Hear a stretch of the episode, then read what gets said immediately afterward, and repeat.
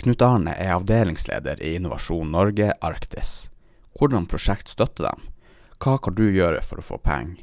Hvis produktet ditt har et nasjonalt og internasjonalt potensial, er det høyere sannsynlighet for at det blir støtta. Noen andre temaer vi snakker om, er Amazon, trening, gründere og hvorfor det er viktig å følge sine drømmer.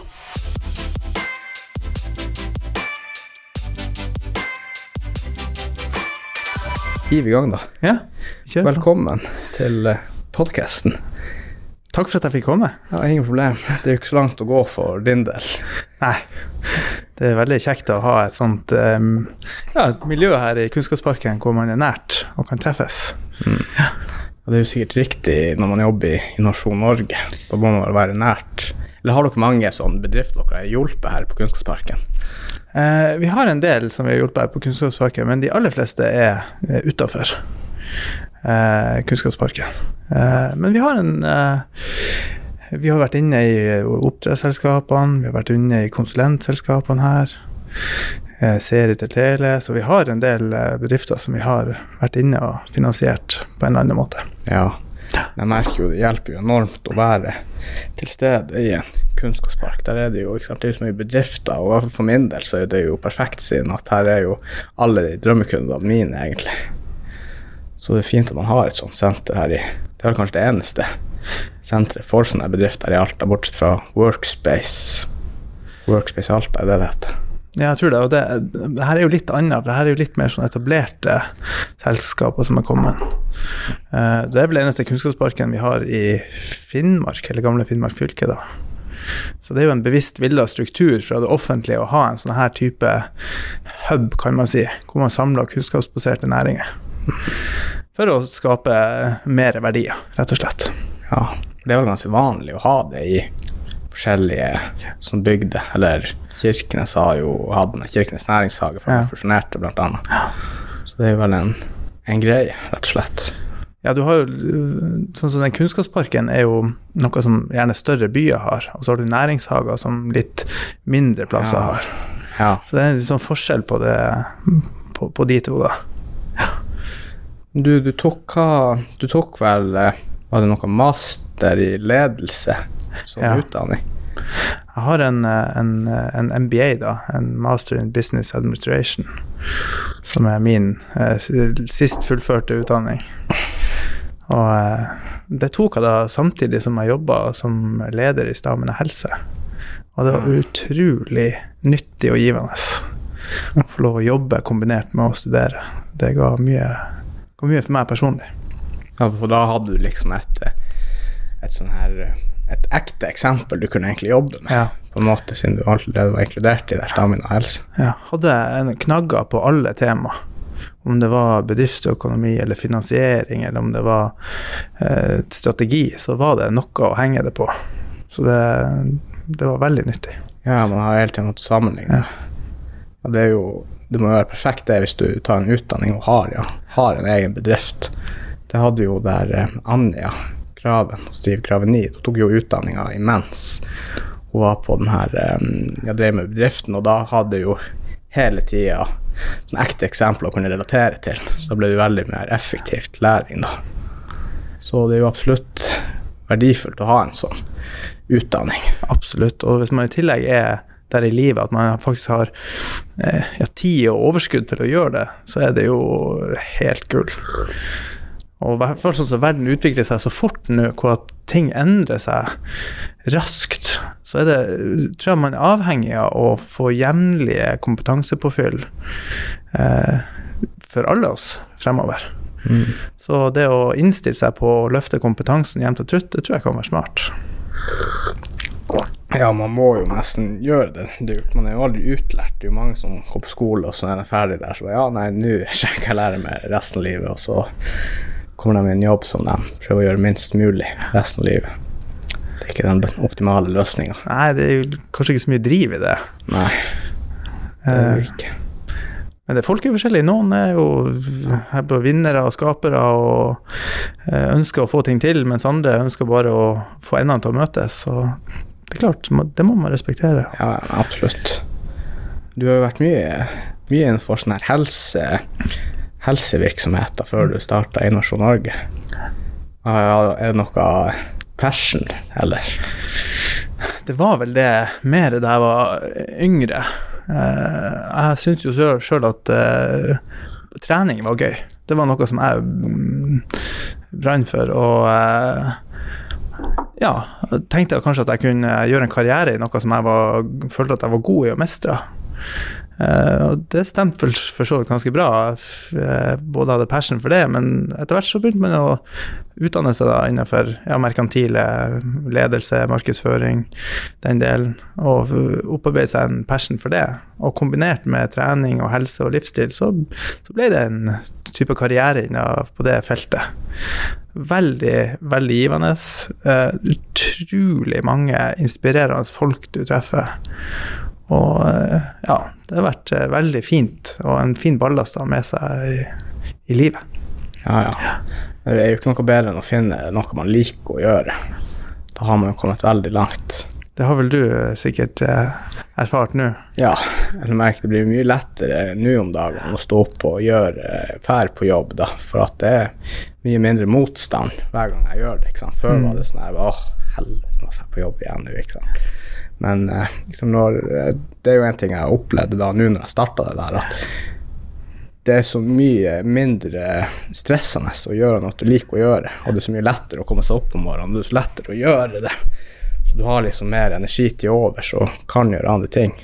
Og så er det ikke sånn at det er et helvete hver gang du må dra på jobb hvis du har en jobb du ikke liker. ikke sant? Jeg har jobba i kassa på Byggmark Røslingen f.eks. da jeg var litt yngre. Det er jo ikke sånn at du står opp og bare Ja, nå skal vi fære og sitte i kassa. Men noen må jo gjøre den jobben også. Men det er det man må finne det man liker, tenker jeg. Og jeg tror det er mye viktigere enn hvor mye penger du tjener. For jeg tjener jo betraktelig mye mindre i dag enn jeg, gjør, enn jeg gjorde når jeg var elektriker. Men jeg har aldri vært gladere enn jeg er nå. Så det sier jo litt. Det er jo fantastisk, og det er jo mange som kan lære av den, eh, det tankesettet, for penger er jo ikke alt. Nei. hvis du skal bruke en stor del av livet på å gjøre noe som du ikke liker, da bør du faktisk tjene ganske godt, sånn at du kan kompensere for det på fritida di med å gjøre, eh, virkelig gjøre ting du, du liker. Mm.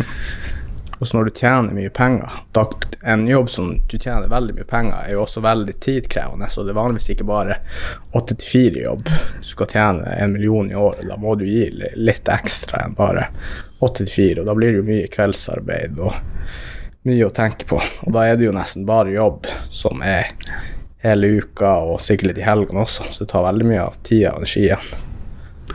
Så tror jeg at man gjør en bedre jobb og skaper mer verdi hvis man, som du sier, gjør noe som du har passion for, noe som gjør at du gleder deg til å stå opp. Sånn at du gruer deg nesten til å legge fra deg oppgaven fordi det er så gøy. Da er, det, da er du på rett plass i livet. Ja.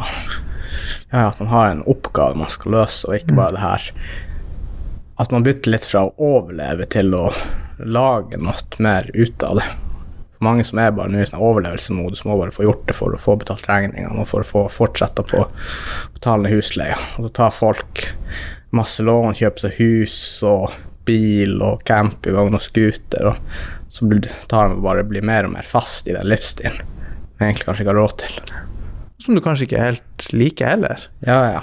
For du blir bare det er så mye moment i livet at du må Ja, du må bare gjøre det, ikke sant. Faren faren han var jo også veldig mye Han skulle jo ha meg skulle bli ingeniør og elektriker, ikke sant, for det var de sikre veiene å gå. Men eh, jeg tror det er nesten mer risikabelt å ta den sikre veien nå i dag enn det var før.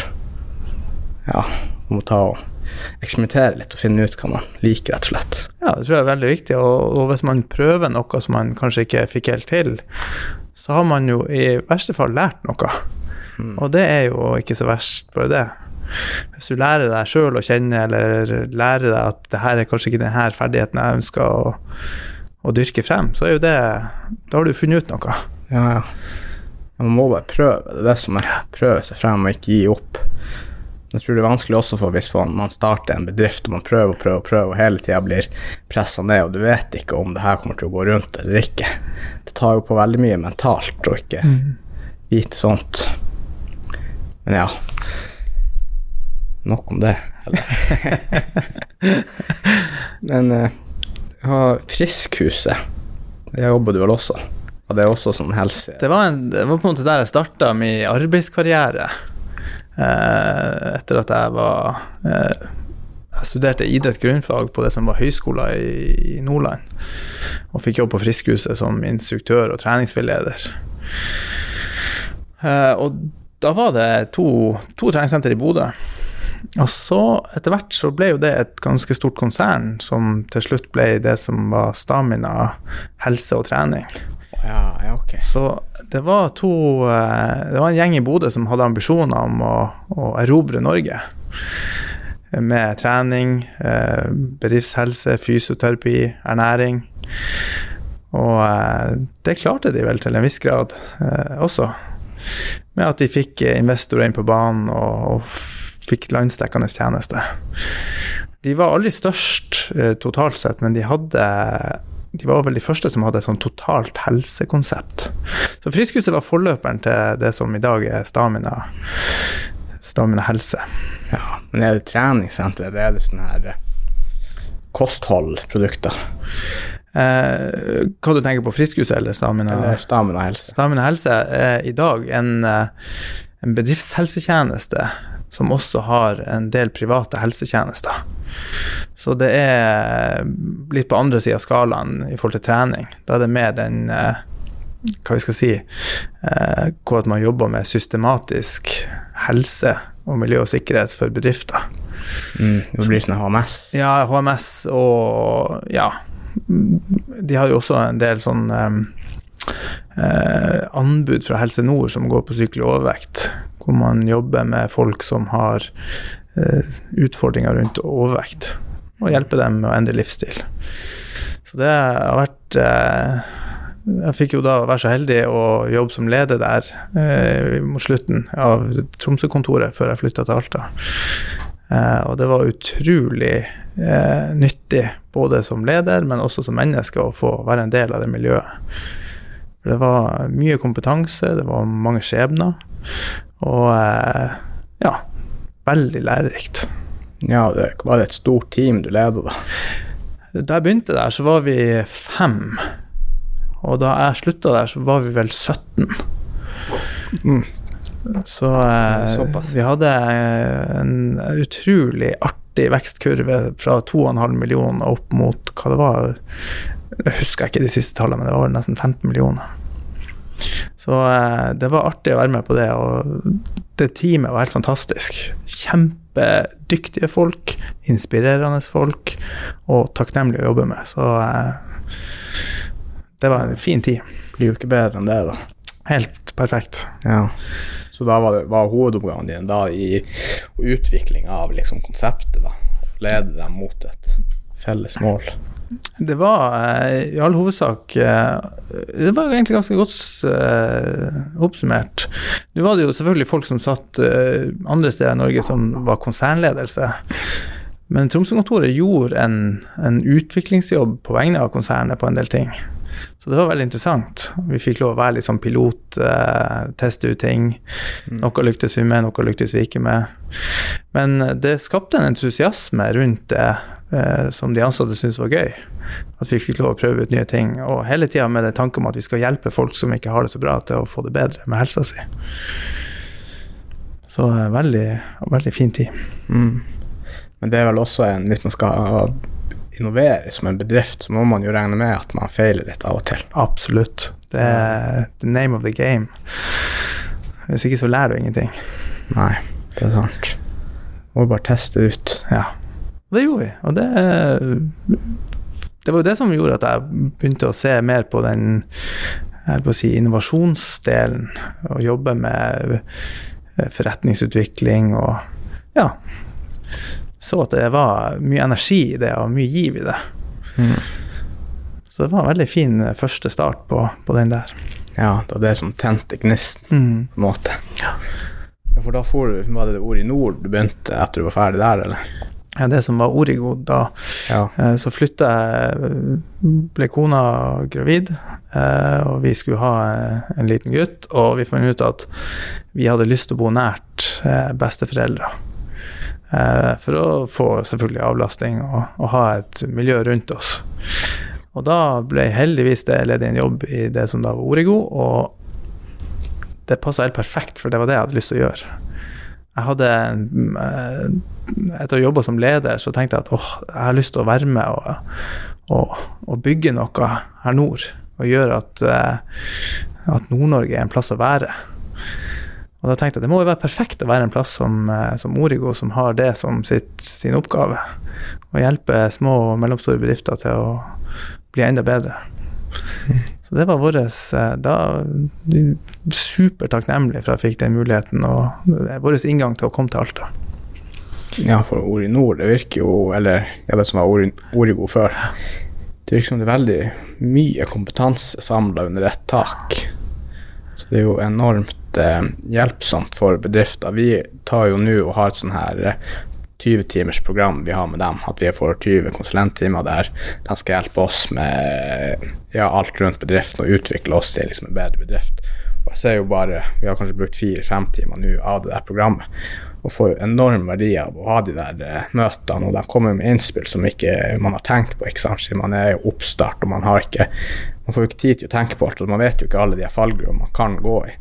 Men der er det jo til og med folk som har eh, egne bedrifter, som har jobba med det her i årevis. Så du får jo veldig, veldig bra tilbakemeldinger på hva man bør gjøre, og hva man ikke bør gjøre. Ja, det er det at de har den inkubatoren og den, det næringshageprogrammet som de har fått nå, eh, det tror jeg er veldig, veldig fint for uh, spesielt sånne bedrifter som, som, din. En liten bedrift som er nyoppstarta, og som du lever på din passion for, eh, for, fotografering og for film og for det du gjør. Men så er det kanskje ikke det forretningsmessige som er din store styrke. Mm. Og det å ha noen som kan kikke deg litt i kortene og dytte deg i rett retning, det tror jeg må være uh, helt gull. Ja. Nei, jeg kunne ikke klart meg uten det der. De har vel hatt ganske mange sånne inkubatorbedrifter. Ja ikke Smartdock vært litt involvert der i starten? Smartdock har vært i den, og det er Nå har vi jo kanskje det Da jeg slutta der, så var jo eh, AM Utvikling eh, en av de bedriftene, det som er blitt Avio Solutions i dag. Eh, kanskje den mest spennende bedriften på lenge, med størst internasjonalt potensial. Eh, men det har vært utrolig mange både små og store bedrifter som har vært innom der og eh, fått stor eller passelig hjelp. Kanskje det som skulle til for å komme over kneika. Eller ta den utviklinga, eller så Og det Origo, eller det som da er Orinor i dag, den inkubatoren er jo et fantastisk verdt hjelpemiddel for virksomhetene. Så det skal vi være glad for at vi har her i Alta. Det er, vi har jo to sånne i Finnmark, og to i Troms, tre i Troms. Ja. Så det er ikke alle som er så heldige å få muligheten til å få hjelp fra dem. Ja, det er jo av enorm verdi. Men også det her at eh, hvordan er det de, de, hjelper med søknader da mot Innovasjon Norge f.eks. For, eksempel, for å få videre sånne markedsavklaringstilskudd? Eller det er kanskje en av fremgangsmåtene? Ja, det er jo eh, Jeg er jo fortsatt relativt ny i hele det landskapet, men du kan si at en inkubator, det Origo gjør, skal på en måte utfylle det Innovasjon Norge gjør. Innovasjon Norge, vi skal levere eh, kompetanse som vi gir dryppvis, og finansielle eh, tjenester som vi gir til de som er kommet et stykke og trenger hjelp til å komme seg videre. Mens Origo, eller Orinorda, hjelper mer med å holde i handa hele veien med, å, med sin kompetanse. Så når du, sånn som du som har en bedrift, du har jo funnet ut at du har et marked. Eh, men hvis du ikke vet noe om at du har et marked, så er jo markedsavklaringstilskuddet et veldig fint et. Og der vet Orinor hvordan man skal gjøre det for å komme til bordet og få en sånn type eh, tilskudd. Eller så kan de komme til oss og få hjelp til det. Men Origo, eller Orinor, da, så jeg bruker de om en annen gammel vane, eh, de har kompetanse på hvor virkemidlene er henne, og hvilke penger man kan hente når. Så det, er, det, skal man bare ikke være redd for å bruke. En sånn markedsavklaring, hva er det man gjør da? Går liksom dere ut og spør bedrifter hey, er det et marked for et sånt her produkt, eller hva man gjør som spesifikt? Eh, når du skal avklare et marked, så er det oftest, og forhåpentligvis alltid, gründeren sjøl som går ut. Men du får finansiell støtte og noen tips, kanskje, eh, til å gjøre det. Det koster jo litt penger, enten at du må reise, eller at du må gjøre noen fysiske undersøkelser, eller du må gjøre noe. Så må du jo finne ut om at det produktet du har, løser noen problemer som folk er vært villige til å betale for. Det er vel egentlig det du skal finne ut av. Mm. Så du må ha en liten sånn, kall det en prototype eller en liten idé om hva du ønsker å gjøre. Og så må du få noen som kan være potensielle kunder, til å si noe om at ja, det her løser et problem som jeg faktisk har. Enten å få tatt gode bilder, eller for å sette bildene sammen på en god måte som du får frem budskapet, eller hva det måtte være. Ja. Jeg prøvde sjøl å søke på eh, Innovasjon Norge, men det gikk ikke så bra. Oh, ja. Eller fikk visjoner til å, å gjøre litt undersøkelse på det, men det virker som at det ikke var noen mulighet akkurat da når jeg starta opp, i hvert fall. Okay. For at det hadde vel blitt prøvd før, og at en mediebedrift var ganske ikke så innovativt, at det var ganske standard dags. Det det, det, vi har jo et, et, sånn, et regelverk som heter EØS-regelverket, som setter noen klare begrensninger. Uh, gir noen klare rammer for hvem som kan få penger. Og der det allerede eksisterer sånne typer bedrifter, så kaller man det konkurransevridning, for du støtter noen som Ok, ja, ja, ja, ja. Så da har du ikke lov til å gi statsstøtte der det allerede er noen som leverer en sånn type tjeneste. Stemmer. Hvordan blir det da f.eks. med Alta kraftlag og Signal bredbånd? Får Alta kraftlag statsstøtte? De får ikke noe fra Innovasjon Norge, eller Nei. da er det i så fall hvis de, hvis de Jeg kan tenke meg til at de, hvis de har noe grunnforskning eller noe forskning de ønsker å få gjort innenfor det de, de eh, skal gjøre, så kan de søke Forskningsrådet om midler der. Ja. Eh, eller at de har noe de ønsker å få løst, så kan de søke om å få noe eh, støtte for å få noen gründere eller noen bedrifter til å hjelpe dem å løse de utfordringene. Men isolert sett så er jo de et altfor stort selskap og har altfor mye penger og er i en bransje som er gjennomregulert og Så eh, de, de, må i hvert fall jobbe hardt for å få noe støtte. Ja, ja. Men hvordan hvis noen sitter på en god idé, hvordan ideer er det som blir finansiert av Innovasjon Norge? Det Innovasjon Norge sitter jo og har eh, to forskjellige fokus, egentlig. Vi har noen eiere som er fylkeskommunen, eller regionene, da, som det heter nå. Og så har vi en del departement som eier oss. Og de departementene, sånn som Nærings- og fiskeridepartementet, de ønsker at vi skal fokusere på ting som gjør at vi kan tette eksportgapet som nå er på vei til å oppstå etter oljen. Hva det vil si eksportgap? Det vil si at vi har jo hatt masse eksportinntekter fra olje. Men fordi at oljeprisen går ned, og vi forventer at et, etterspørselen etter olje, sånn som vi kjenner det, kanskje kan variere litt fremover. Eh, så må vi finne andre ting å eksportere. Sånn at vi får penger til landet. For vi kjøper en del tjenester utefra, og da forsvinner pengene vi har, ut av landet. Så vi må sørge for at vi har en handelsbalanse som gjør at vi i hvert fall går i null, og helst litt i overskudd. Så vår jobb er da å finne bedrifter som har potensial, og ideer som har potensial til å ta eh, først og fremst nasjonale marked, og dernest internasjonale marked. Eh, så Det er liksom den, det, det, viktigste vi gjør. Men så har vi en annen ting som vi også gjør. Det er at vi eh, i, i, her, i hvert fall her i Arktis så har vi en jobb om å drive bærekraftig næringsutvikling. Sånn at vi har, har lys i husene her, som vi bruker å si. Det vil si at folk må ha en plass å jobbe, eh, og folk må ha noe spennende å drive med. Det vil ikke da si at vi støtter hva som helst, men vi kan støtte noe som kanskje finnes i, allerede utvikla i Kina, men ikke utvikla i Norge. Og som man tror at kanskje kan dette bli en lokal, regional, nasjonal forretningsidé. Men det er ikke så mye penger på det som det er på de nasjonale midlene, der vi skal virkelig ta eksportandeler. Ja, altså Hvis man har noe som er internasjonalt, så er det store sannsynligheter, hvis man har en god idé, da, å ja. få Det, da er egentlig Innovasjon Norge med på å styrke Norge som merkevare ute i verden. Helt riktig. Ja. Så da må vi bruke alle midler vi kan for å bygge opp om de her gode ideene og de gode gründerne som skal være den nye, kall det oljen i hermetegn. Og, og Innovasjon Norge har jo The, Explorer. Jeg vet ikke om du har vært og sjekka det. Det er en sånn eh, Kall det internasjonal salgsplattform av norske bærekraftige løsninger. ja, hva det? Som f.eks. solcelleteknologi i takstein kan være, eller vindkraft, eller mm, altså ting Som Har ikke Elon Musk sånn her solcellepanel i tak? Ja, det er helt sikkert. Det, Ja, ja. Men i hvert fall, det er, Ja. vi har utvikla en plattform der vi eksp skal eksponere de norske løsningene til verden. Og det begynner å bli ganske mange av det fra Norge nå. Så det er jo veldig artig å se at eh, også næringslivet i Norge ser at vi må endre oss.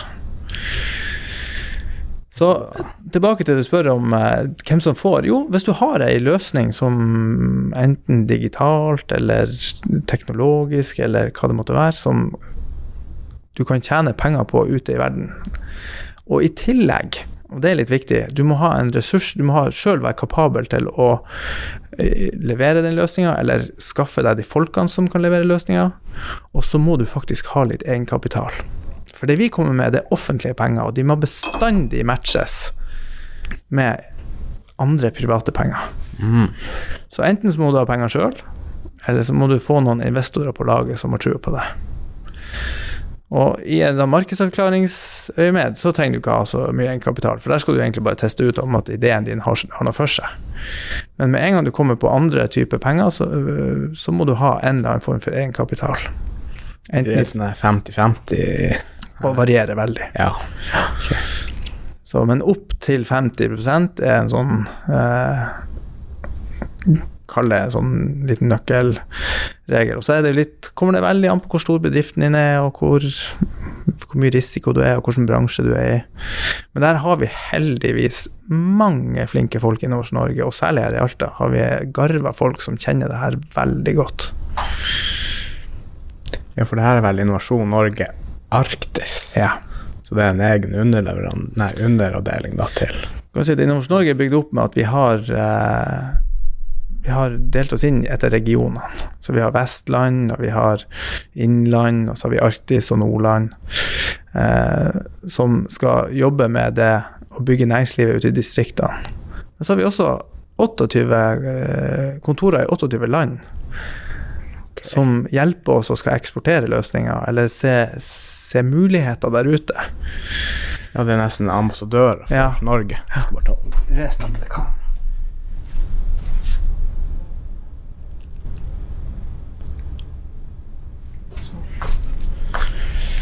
Ja, så det blir egentlig ambassade. Ja, de, de er veldig ofte tilknytta ambassaden, og da kaller man det Team Norway. Ja. For ambassaden har jo også en misjon der ute, det er jo å fremme norske interesser. Enten i form av politikk eller for næringsliv. Veldig ofte næringsliv. ja, og den skal påvirke ja, aktører til å ta i bruk tjenester. Klart. Som norske løsninger. Ja. Da drar de bare på, som f.eks. Kunnskapsparken i Kina, og prøver å påvirke folk der til å kjøpe. Ja, eller så kjenner de i hvert fall eh, til næringslivet og hva behovene er, og vet hvem man skal eh, kontakte. Og så er det jo et sånn samspill her, for at de, de landene har også behov for å selge ting til Norge. Så det er jo å finne et, her, et fint nivå å samarbeide på. Vi kjøper litt fra deg, og så kjøper du litt fra oss. Så det er jo alltid gi og ta. Ja, man har balansert at den ene tar og overkjører at man kjøper 90% og den kjøper bare 10 f.eks. Mm. Balansegang. Nå er jo ikke jeg noen ekspert på det her, jeg har jobba i Innovasjon Norge i ett år, og det er utrolig mye å sette seg inn i. Så det er heldigvis andre folk i, i organisasjonen som kan det her mye bedre enn meg. Ja. Så hvis jeg har sagt noe feil, så må du virkelig ha meg unnskyld. Nei. Det kan man bare si at eh, sånn er det når man snakker. Da sier man jo det man tror. Ganske vanlig. Men eh, har dere da ansvar for hele Finnmark? Eller Troms og Finnmark? hva blir det? Kan jeg si, eh, Arktiskontoret er delt opp i tre. Du har noen i, i Vadsø, og noen i Alta, og noen i Tromsø. Flest i Tromsø. Så vi har egentlig prøvd å ikke tenke så mye geografi med at vi, vi skal bare Alta. Vi har prøvd å tenke kompetanse og næringer. Så vi har, du kan jo, vi har noen som er veldig gode på land, landbruk og reiseliv. Så har vi noen som er veldig gode på kreative industrier og eh, kreative næringer og på ja, IT. Noen som er gode på flåte, noen som er gode på eh, mineraler. Men det er jo ikke så mange av dem, så du må ta liksom stort område. Så har, vi har en som er veldig god på mineraler, han må ta hele fylket. Men det er jo ikke så mange som er i den mineralbusinessen hos Jeg tror ikke jeg har hørt om mineralbusiness. Eller ja, det finnes selvfølgelig. Nussir er jo et potensielt Ja, ja stemmer. Det som var Sør-Varanger, eh, er jo også en sånn Sør-Varanger Eller Syd-Varanger. Jeg meldte meg faktisk akkurat på den her Nussir leverandørmøtet der i Ja, Hammerfest 26. og 27. oktober. veldig fornuftig. Det virker jo ut som det er en stor happening, det der. Masse seriøse aktører og fin mulighet til å prøve å selge seg inn til noen. Veldig smart. Ja, Fin plass å nettverke. ja. ja. Dere er vel Er dere også til stede der, da? Ja. Dere er vel en av arrangørene, eller stemmer det? Eh, jeg så det var kommet en mail om det i dag, men jeg er ikke helt oppdatert på det. Mm. Så det men jeg vet at vi skal være der. Ja, det, blir, det er jo veldig sikkert mye Jeg tror folk fra olje er der. Eh, det kommer jo litt an på hvilken type leverandørindustri man skal utvikle. En del av det vil jo sikkert gå på logistikk, og noe på det tekniske vedlikehold og sånn, så det kan godt hende at det er sammenfallende. Det, det vet jeg ikke. Nei. Nei, jeg husker de hadde jo det der sist år, men da fikk vi ikke muligheten til å delta på det. Da prioriterte vi det bort. Okay. Men det er jo bra at de åpner litt opp igjen og gjør sånne arrangementer.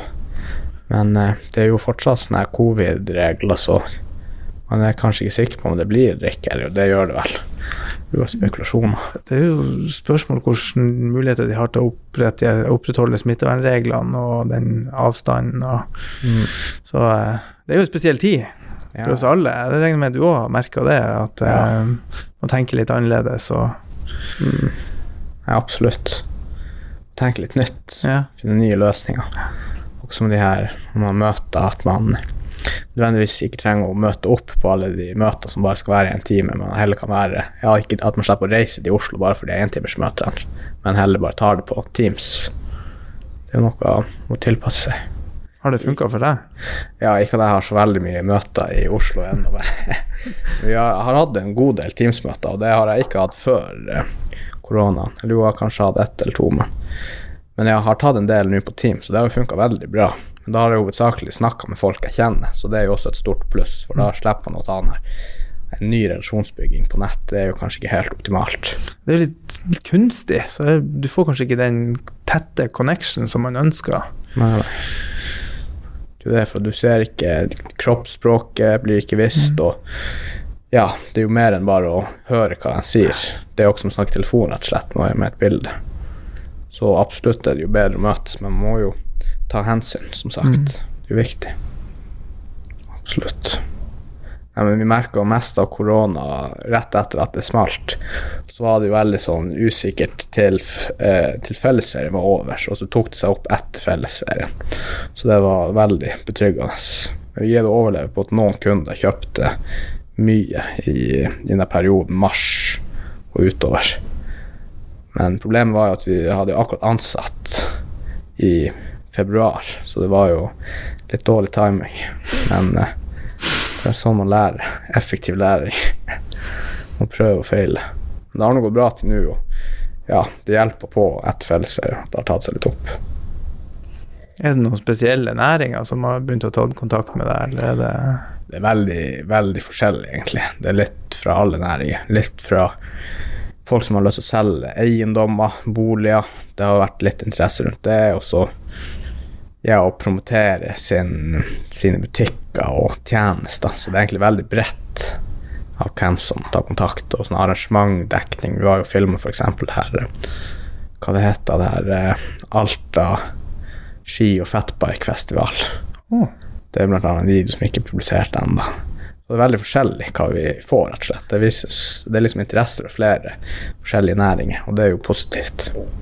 Vi prøver jo å komme inn kanskje mer i, i sånne entreprenører og de som har litt mer penger. og og vi prøver å få dem til å liksom se verdien av de her produktene vi leverer. For det er jo drømmekunder. At man har kunder som er litt pengesterke og bare har lyst til at ting skal gjøres ordentlig og gjøres bra. Istedenfor at man har alle de her småoppdragene som, som eh, de vil ha ganske lite. Og så blir det ganske mye administrasjon rundt et lite enkeltsalg, kontra at man har en avtale på ett år. Det er jo å foretrekke, da. Mm. Det er jo drømmekunden vår, da. Rett og slett. Hvilken verdi er det du tenker du gir til dem? Nei, det er spesielt det. Hvis du er en entreprenør, så er det jo hovedsakelig eh, noe som kalles employer branding. Det er jo at du markedsfører din arbeidsplass som en bra arbeidsplass. ikke sant? For nå, kompetanse er jo veldig vanskelig å få tak i i dag, og kompetanse gror ikke på trær. Og Derfor er det jo veldig viktig, siden det er mange som sier at nei, vi trenger ikke nok markedsføring, for vi har nok oppdrag. ikke sant?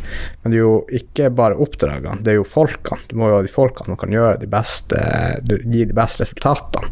Og det er jo også like viktig som selve markedsføringa av bedriften. Så det er det vi prøver å si til de her entreprenørene, at dere må, dere må få å lage arbeidsplassen deres tiltrekkende til den yngre generasjonen, så at folk har lyst til å komme og jobbe der. Og derfor er jo de produktene vi leverer, hjelper jo på det, for da Men du må jo også ha en bedrift som faktisk er en bra arbeidsplass. Det er jo ikke for at jeg eller vi får filme en arbeidsplass der sjefen står og roper til alle ansatte og 'Satan, du gjør en dårlig jobb' og sånn her, ikke sant. Men man må liksom vise de gode sidene av bedriften. Og man må, bør jo helst være en bedrift med gode arbeidsforhold. Det er jo det beste. Men i hvert fall få det frem. Det er en bra måte å tiltrekke seg ny, ny arbeidskraft. Og det er jo også en fin måte å beholde den arbeidskrafta du allerede har. Så fremmer du de ansatte, og det setter nok pris på. Bygge stolthet og Ja, ja. Og så er det jo merkevare. Merkevarebygging av bedriften. Det er jo veldig viktig nå til dags. Det der er jo kjemperelevant i dag, og det er jo det vi kommer til å plages forhåpentligvis ikke, men sannsynligvis kommer til å plages med. Det å få de gode hodene til å ville fortsette å bo her, eller flytte oppover hit til nord. Eh, så hvis dere får til en bra greie der, så er det kjempeviktig. Bare håper at de ser det, bedriftene sjøl. Ja, det er jo det. Men vi prøver jo, ikke sant. Det er det vi gjør sjøl. Vi prøver jo Vi lager jo f.eks. en video i uka der vi publiserer på Facebook. ikke sant? Der og springer rundt på møter, og vi gjør noe sånn sprell. Bare for å vise at uh, vi er ikke Det skal ikke være så veldig seriøst når du er på jobb heller. Selvfølgelig er det seriøst, men du må ikke være redd for hva du skal si, og ja, være redd for at noen ser over skuldra, men man kan liksom puste litt ut, og du er på en plass der du kan føle deg trygg, rett og slett. Og Derfor prøver jeg også å fremstå ikke som Jeg prøver å fremstå som at uh, herregud, har du noen gode ideer, eller har du noe dumt å komme med, så si det, så prøver vi det ut, og får litt sånn åpenhet i bedriften, rett og slett. Jeg tror kanskje det er bra for bedriften i det lange løp, kontra at du skal være sånn her altfor streng på ansatte, og heller være sånn her sjef og liksom hele tida si du må gjøre det og det og det, men heller kanskje lede og vise veien. Mm. da er det mye enklere også for de ansatte å bli engasjert i det man holder på med. Ja. Og det er jo også det her Publisere litt på Instagram og for å bevise noe et sted. Det hjelper. Har, du- har du mange ansatte nå?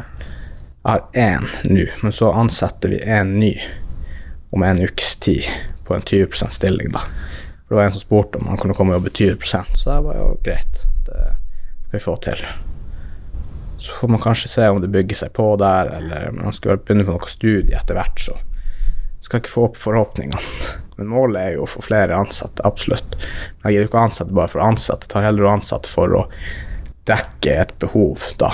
For nå trenger vi f.eks. å noen Kanskje en skribent hadde jo vært veldig optimalt å ha neste, fordi at eh, skriver ikke det vi er best på. Så hvis vi skal begynne å skrive blogginnlegg for kunder, så er ikke det mitt sterkeste side.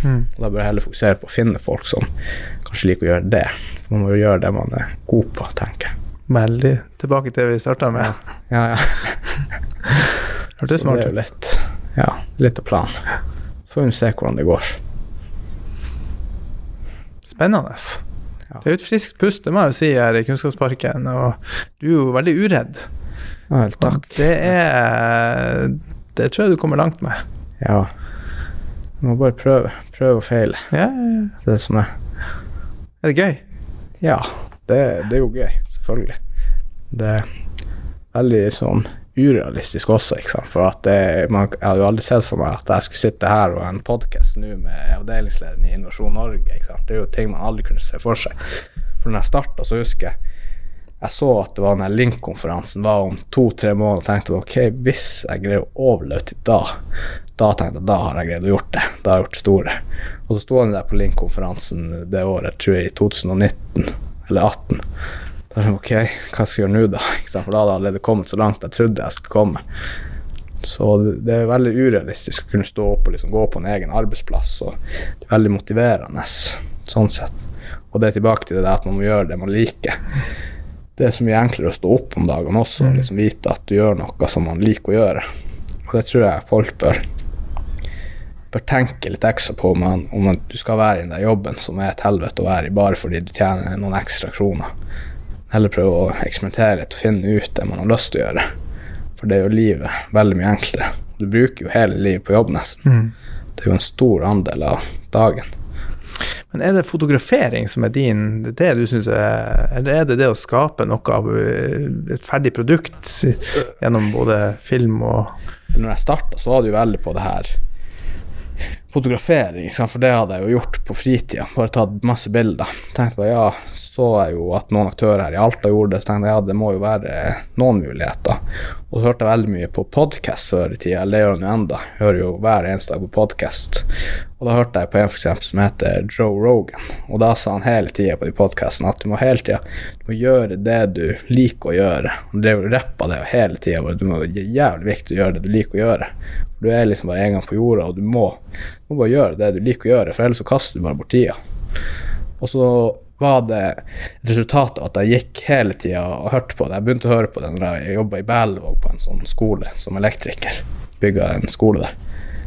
Så hører du det gang på gang på gang, og så var det repetisjoner som gjorde at til slutt bare ja, det må være noe mer enn en eh, bare det jobben. Så da tenkte jeg nå å starte. Men nå i ettertid har det jo vist seg at jeg den her bedriftssida, eller den her business-greia, det har jo vært litt sånn ting jeg var litt uforventa. For jeg trodde jo først det bare skulle være å ta masse bilder og levere dem. Men denne business-sida på det hele har vært mye mer spennende enn jeg har forventa noen gang, og den kom litt som et sjokk. Og nå syns jeg jo den er nesten artigst, egentlig. Å bare være og få til ting og prøve å skape noe og levere nye produkter og få nye kunder. Liksom veldig spennende, syns jeg. Så det gir mye. Og så er det når du kombinerer det med noe du liker å gjøre, som de video og bildene så er jo det et bra utgangspunkt til vekst, jeg tenker meg. Så det er litt av greia. Ja. Så det er sånn sånn det starta. Hva, hva, var egentlig originalspørsmålet? Det har du glemt av. jeg husker ikke heller, men det var i hvert fall en interessant betraktning ja. på, på, det å starte, og hva er det som gjør at man gidder å prøve en gang? Ja, ja. Det må jo være noe mer enn bare det å ha en jobb. Det må jo være noe med å ja, som du sier, noe som gir energi. Er det det bildet som, er det det å skape det perfekte bildet, eller er det å sørge for at en kunde blir fornøyd og får uttrykt seg, eller mm. Ja, du, men det er jo liksom en Jeg kan tenke meg det er jo hele, hele prosessen, liksom. Fra, fra du får en ny kunde til du må Hele prosessen at du tar bilder og leverer bildene, så er kundene fornøyd. Det er liksom det som er jeg liker hele greia, og ikke bare det å ta bilder, men businessdelen også. Mm. Og det var ja, veldig uforventa med business-sida. Så det var mer administrering enn en forventa. Men det er jo artig. Veldig artig, for det er jo så mye muligheter, ikke sant. Uendelige muligheter.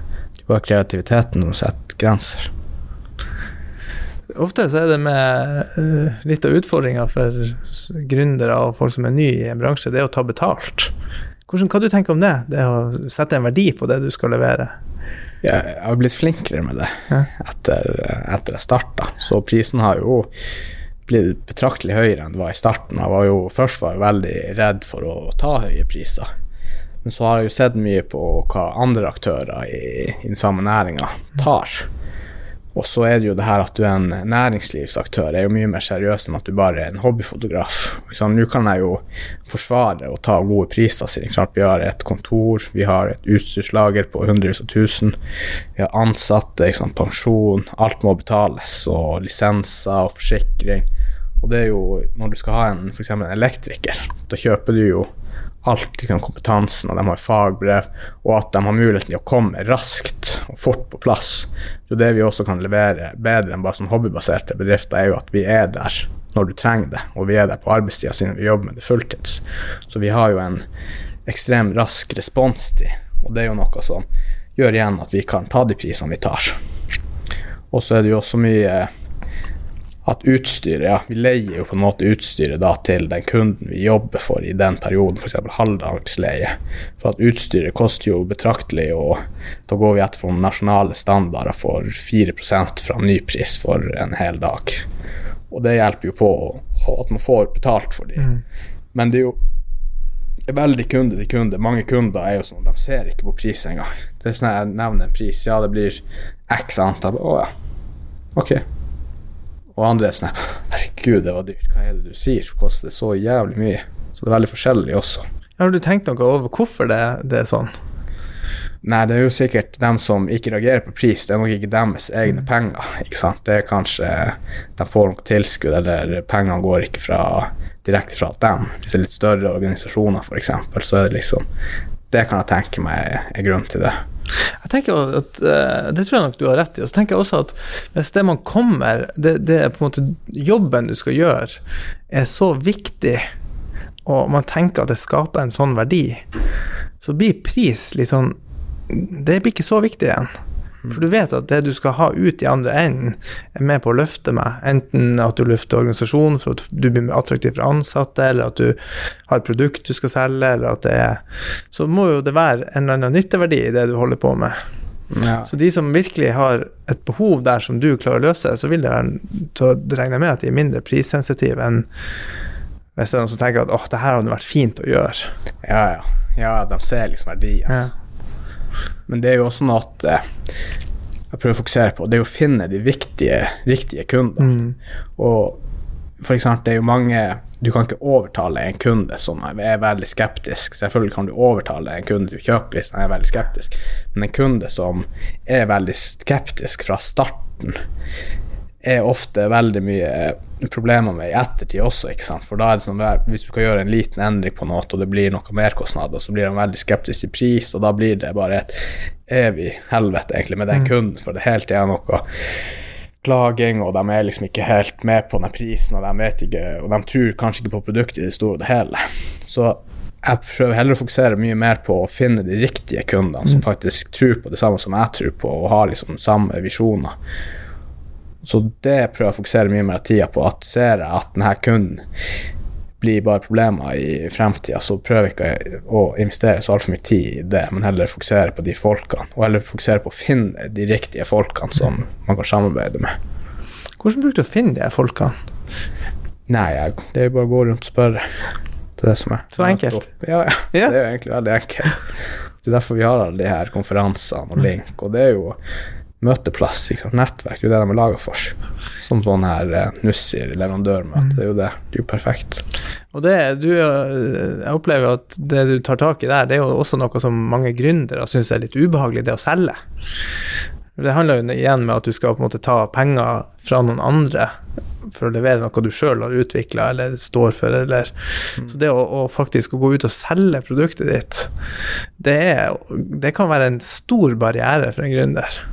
Så det at du faktisk er så uredd, det må du bare fortsette med, for det er Tusen takk. Det tror jeg du kommer også veldig langt med. Ja, men det, jeg tror også det hjelper mye når man For nå tror jo jeg veldig mye på produktet selv. Mm. Det hjelper jo på. Det tillater meg liksom til å gjøre hva som helst for å få nye kunder og bli kjent med nye folk. Så det ja, det, det, det tillater meg til å gjøre alt i min makt for å få nye kunder, og det er litt artig egentlig. Så det er spennende. Det er bra. Du har noen gode egenskaper der som du må bare dyrke videre. Ja, jeg skal prøve på det. ja. Nei, men det er ja, veldig artig. Absolutt. Men videre til Innovasjon Norge. Ja. Hva, hva er planen for eh, Eller jeg har jo sett at har ikke dere gitt ekstremt mye mer tilskudd nå i år enn i fjor pga. ekstraordinære ekstraordinær eh, tilskudd? Er det direkte tilknyttet til korona? Ja. Det er det. Vi har på en måte tatt et oppdrag på vegne av staten med å gi eh, koronastøtte til de som har opplevd og hatt redusert inntekter. Så vi har delt ut eh, Ja, eh, da vi var kommet til sommeren, tror jeg, så hadde vi delt ut like mye penger det første halvåret som vi gjorde hele året i fjor. Så vi har nok et, så vidt jeg husker, så har vi nesten et dobbelt så stort pengebinge i år enn det vi hadde i fjor. Men senkes da terskelen på ideene og produktene dere eh, En investerer i? periode gjorde det, ja. Det gjorde det. Man definerer det som eh, kan vi si tre, egentlig bare to nivåer. Det ene er at du har et nasjonalt potensial, og det andre er at du har et internasjonalt. Og så har vi sagt at ok, kanskje kan vi si at vi kan ha et regionalt potensial òg, for å få mer bedriftsetableringer. Men da tok man ned, for å få de på de, det som kaltes et innovasjonstilskudd, så tok vi ned eh, kravet om å være, ha internasjonalt potensial til nasjonalt potensial frem til høsten nå. Og så har vi da øka det igjen, Ja. for at vi ser at nå må vi ha flere som faktisk kan gå ut. Og begynner, det begynner å bli ganske mye mindre penger i potten. ja. Nå opplever dere flere søkere, da. Ja, det har vært masse søkere. Ja, det. Over dobbelt så mange som det har vært før. Ja, såpass. Ja. Så det har vært eh, stor tilgang på, på både gode og mellomgode caser. Men eh, ja. Ja, men det er jo bra.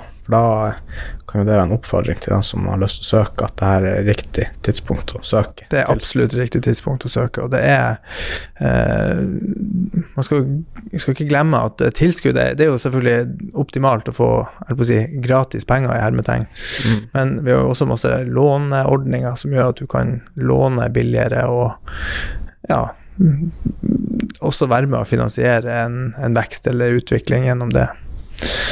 Så eh, har man et godt prosjekt, eller har man en spennende idé som man ønsker å ta tak i, så trenger hele landsdelen og hele Norge at vi faktisk tar tak i det. For vi er nødt til å få fart på, eh, på gründerskapet i Norge og få- flere bedrifter som er større enn 5-6-7 ansatte. Få bedrifter opp mot 250 til 1000 ansatte, det trenger vi. Som kan eksportere og øke inntjeninga til Norge, sånn at vi kan opprettholde levestandarden vår på samme nivå som vi har i dag. Ja. Det er nok ekstremt viktig, for at vi konkurrerer jo mot hele verden, egentlig. Absolutt. Så går det dårlig her, så er det ingen som bryr seg. Det er bare Nei, ikke sant. som tar vare på sjøl, egentlig. Og når du tenker på at det er, det er både med klima og med uro og med alle, alle land og alle institusjoner som jobber så hardt for at vi skal nå klimamålene våre, så kommer det så utrolig mange gode forretningsmuligheter med, på veien. Og det er de vi må gripe. Og vi har noen forutsetninger i Norge som er helt unike. Vi har høykompetente arbeidstakere.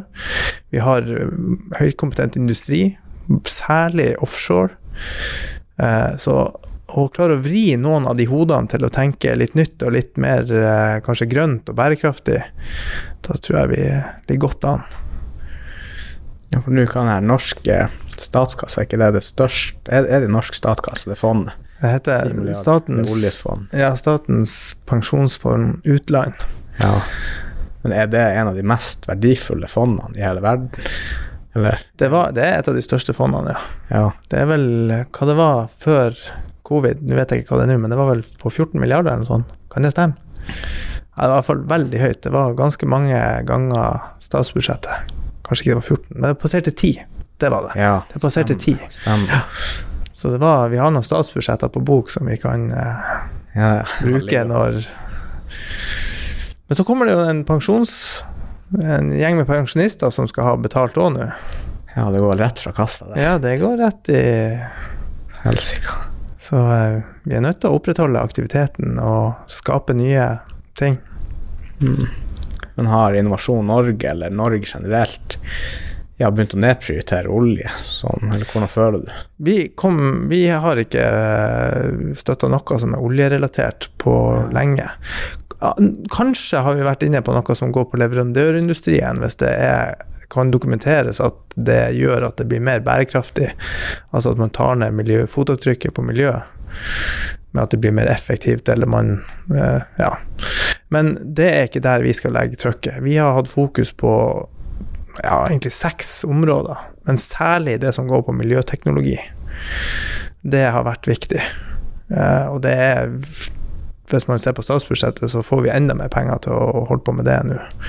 Så hvis du har et prosjekt som er med på å ta ned forurensning eller gjøre produksjonen mindre At det blir mindre fotavtrykk eller noe sånt, så er det rette tida. For da er det, en, det er nok penger, i hvert fall. Ja, så egentlig. Men da opplever du mange som prøver å Akkurat som Statoil, eller ikke Statoil, men Equinor, de prøver å liksom eh, hva det heter, grønnifisere bedriften, eller hva de kaller det. Grø grønnvaske den. Ja, grønnvaske den, ja.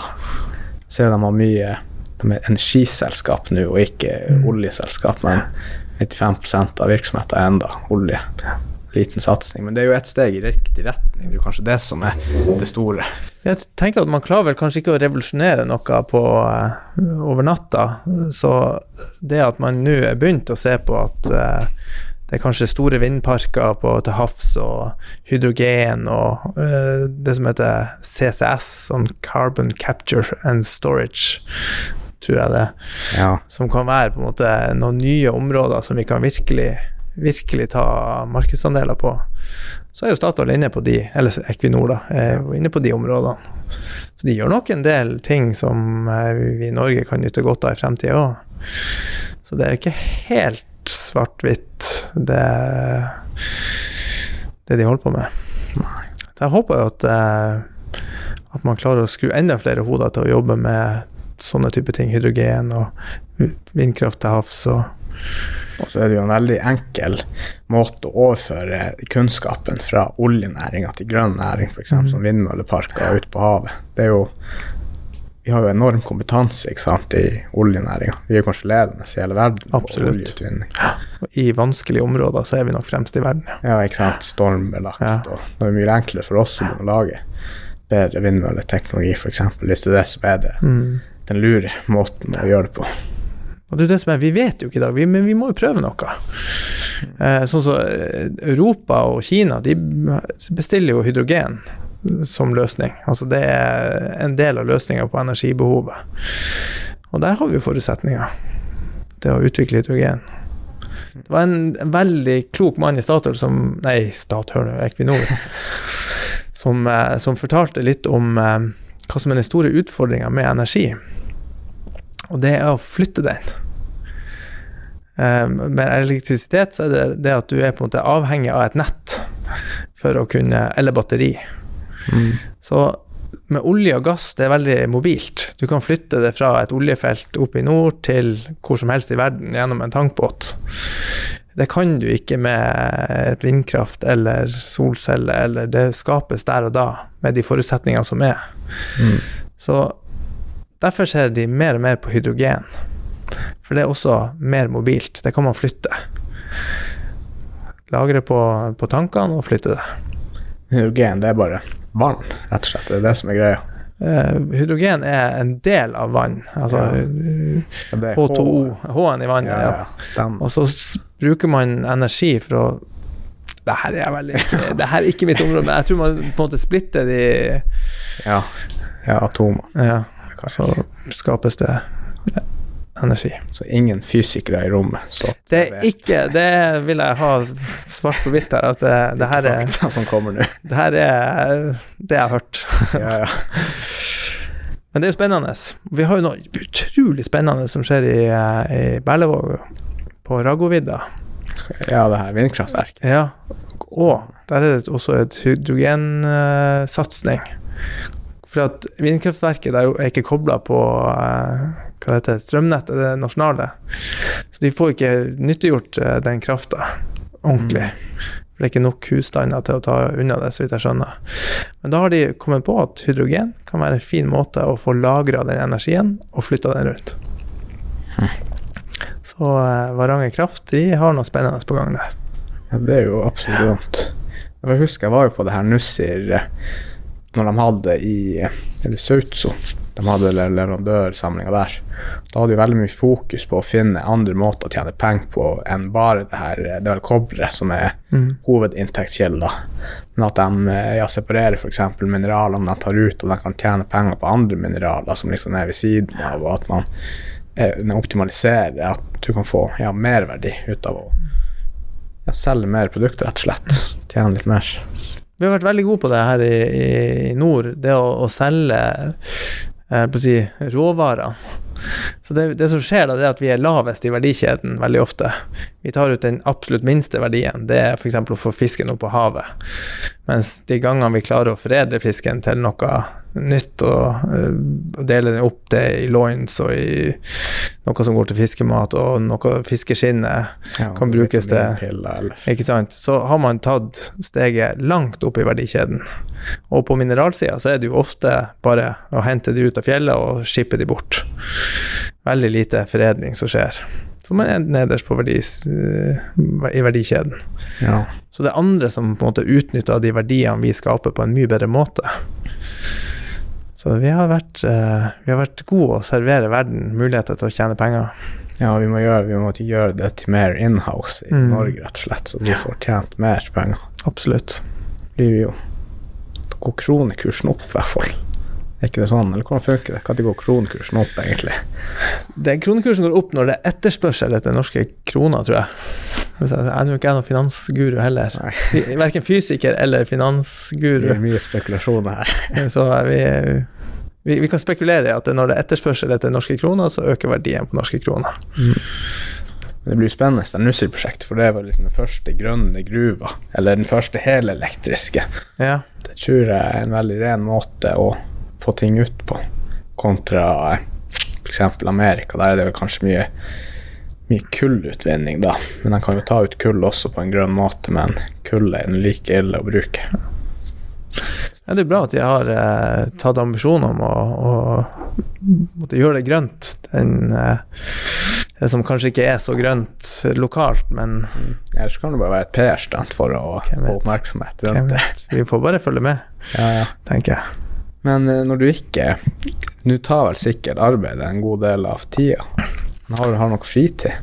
Vet du hva, jeg har jo to små barn. Jeg har jo en gutt på tre år og en jente på ett år, som er helt fantastisk. Og det kommer man ikke unna. De krever sin tid og sin plass. Så nå er jeg helt på å si, så heldig uheldig at, at jeg må la jobb være jobb, mm, forhåpentligvis mest mellom åtte og fire. Og så må ungene få sin tid, og så av og til litt jobbing etter det, men jeg prøver å være effektiv på jobb, sånn at jeg, jeg kan eh, dele meg opp til alle de som trenger det. Det er jo lurt. Eh, Men så er jeg jo glad i å trene. Det er som tilbake til det jeg starta Det å trene, det å holde seg i form, er enten ute i naturen eller på romaskinen inne eller på treningssenter. Det er fint. Og så er det veldig fint å, å tilegne seg ny kunnskap. Så å lese og høre podkast og når man har muligheten, det er veldig fint. Ja, nei, jeg er veldig enig. I hvert fall om trening. Det hjelper meg ekstremt mye mentalt. For jeg hadde jo nå på Jeg hadde nå nylig gått en uke og ikke trent, for jeg fikk litt sånn belastningsskade under venstrefoten. Men jeg kjenner hvor mye mer jeg stresser når jeg ikke trener. Og jeg overtenker ting altfor mye. Og har tankene gå på ting som egentlig ikke Som jeg ikke bør tenke på i det hele tatt. Men veldig mye overtenking. Jeg tenker, går det her bra? Kanskje jeg må gjøre det og det og det. Og greier liksom aldri å slappe helt av når jeg ikke trener.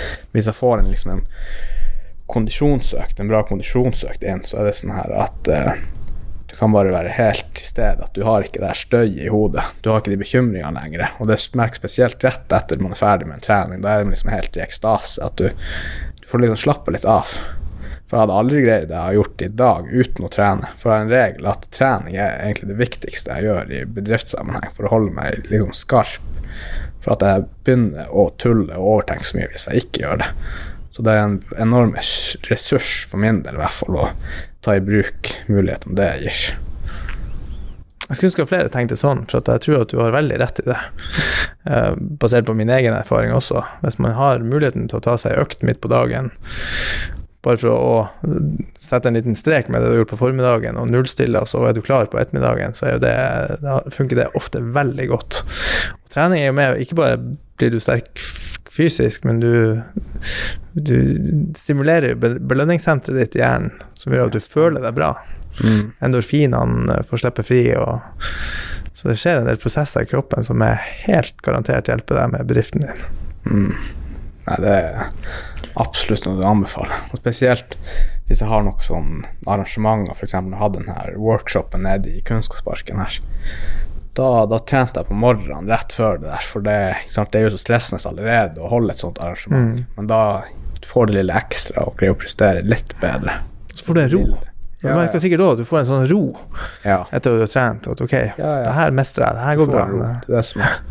Og I går da måtte jeg også være trening, for da, i dag har jeg podkast. Og det hjelper også ekstremt mye podkast. Ja. Samtalen, samtalen flyter mye bedre, man kommer enklere på ting, man kan ta videre Mm. osv. osv. Du er Ja, du er mer klar. Du blir litt mer sånn sharp. Det hjelper veldig mye. Jeg er helt enig. Jeg er helt, helt enig. Det er Jeg prøver også, hvis jeg skal gjøre prestere et foredrag eller gjøre noe jeg aldri har gjort før, så ha en treningsøkt uh, så nært opp til som mulig. Det funker veldig bra for meg. Får tømt hodet for bekymringer, og du føler at du mestrer noe, og du føler at du har fysisk sterk og klar, og Ja, ja. kan håndtere det som kommer.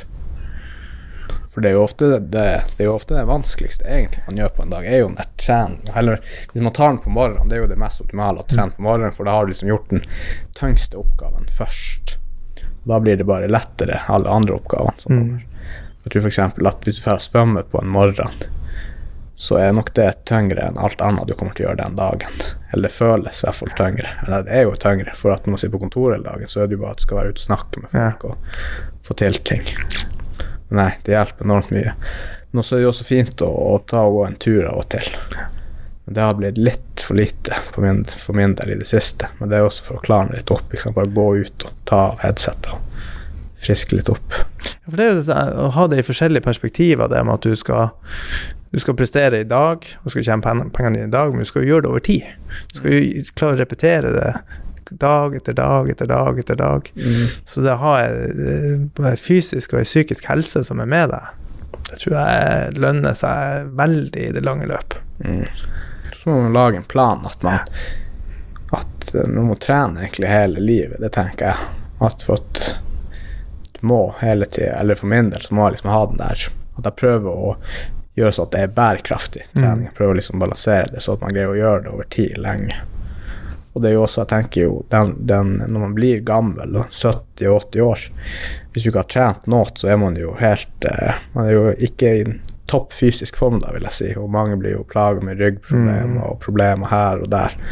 Men jeg tror hvis du greier å holde en bra Hvis du får en tre dager i, i uka hele livet, da tror jeg du er mye bedre rusta når du er gamlere, også til å nyte livet mye mer og være litt mer mobil og Ja. Helt enig i det, det tror jeg det viser vel det meste av både forskning og, og erfaring, at uh, å gjøre det jevnt og trutt, sånn passelig dose, det funker over tid. Sånn er det jo egentlig med alt. Mm. Uh, jeg merker sjøl òg det med å ha en, en krevende jobb. Uh, både for at det er nytt, men også for at det er et stort ansvar. Men det å også ha små barn, som også er nytt og stort ansvar, så har jo jeg et ansvar om å ta vare på meg sjøl, sånn at jeg skal klare å være der for mine, mine kollegaer, mine ansatte og mine barn og min samboer. Så må jo jeg være tipp topp. Så den dagen jeg ikke er det, så klarer jo ikke jeg å yte på noen områder. Så jeg prioriterer det. Å få meg tre-fire økter i uka. Det for meg er det helt avgjørende. Ja. Det er jo veldig bra oppfordring, egentlig. Men uh, Og så har jeg et spørsmål til. Ha, hva er det du kunne Hvis du kunne gi deg et tips som 20-åring, med all kunnskapen du hadde i dag Ja, det er ikke noe tvil om hva jeg, jeg ville sagt. Ikke vær redd for å feile. Det, det tror jeg det jeg ville ha sagt til meg og til alle. Ikke vær redd for å feile. Det er så mye læring i feiling, og du kommer aldri til å gå gjennom livet uten å ha feila. Så ikke være redd for å bare peise på, gå ut, prøv, og de gangene du bommer, lær av det, og så prøver du på nytt på en annen måte. Det tror jeg har vært eh, Det skulle jeg ønske at noen fortalte meg. Ja. ja. det er perfekt. Er det noe du har lyst til å promotere i henhold til Innovasjon Norge? Er det noe, som, noe nytt dere har på gang, eller? Jeg vil si at for de av dere som hører på det her, og som kanskje sitter og vurderer om du har en god idé eller et spennende utviklingsprosjekt, så nå er tida. Nå er tida for å ta tak i det. Og det er utrolig mange flinke folk, både i Norsk Norge og andre plasser, som mer enn gjerne hører på deg. Om det er en måte vi kan hjelpe deg for å få den ideen realisert, enten gjennom penger eller kompetanse eller nettverk, så ta bare kontakt. Det er ikke farlig. Det, er, det verste du kan få, det er et nei, og du må gå og tenke deg om en gang til. Og det er ikke farlig. Det er jo egentlig det beste, for da vet du også, for da går du heller ikke resten av livet og tenker på hva hvis jeg tok kontakt med dem, ikke sant? Ikke sant? For da får du liksom i fanget. Og de folkene som jobber både i Innovasjon Norge og i inkubatoren, og det er vanlige mennesker, men som har veldig god kompetanse på akkurat det, å realisere ideer. Så da får du god sparing, og kanskje til og med litt penger. Ja, Så det, så det er bare å komme. Ja, det er jo en perfekt avslutning. Må si takk igjen for at du tok deg tid til å komme og snakke litt midt på dagen. Takk for at jeg fikk komme. Ingen problem.